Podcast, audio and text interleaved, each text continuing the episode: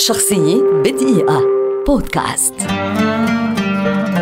رافائيل نادال لاعب كرة مضرب إسباني وأحد أفضل اللاعبين في التاريخ ولد عام 1986 بدأ عشقه للتنس منذ الطفولة وانطلق في مسيرته الاحترافية في عمر الخامس عشر. وبعدها بعامين استطاع أن يهزم المصنف أول عالميا آنذاك روجر فederer للمرة الأولى وبدأ كتابة التاريخ. بفضل نجاحاته على الملاعب الترابية بشكل خاص استحق نادال لقب ملك الملاعب الترابية. كونه يعتبر لاعبا دفاعيا من الطراز الأول وهو يملك رقما قياسيا بعدد الانتصارات المتتالية في المباريات أجريت على الملاعب الترابية أو أي أرضية أخرى ما زال قائما وهو 81 انتصارا متتاليا.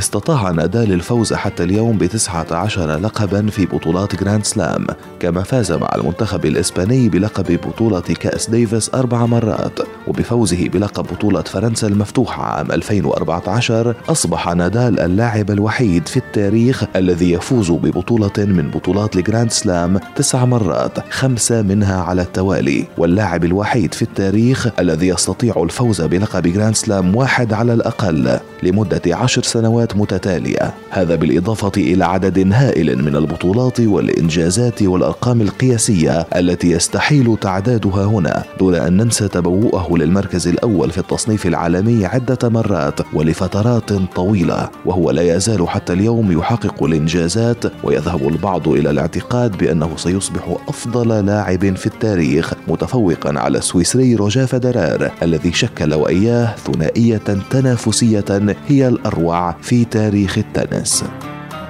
شخصية بدقيقة. بودكاست.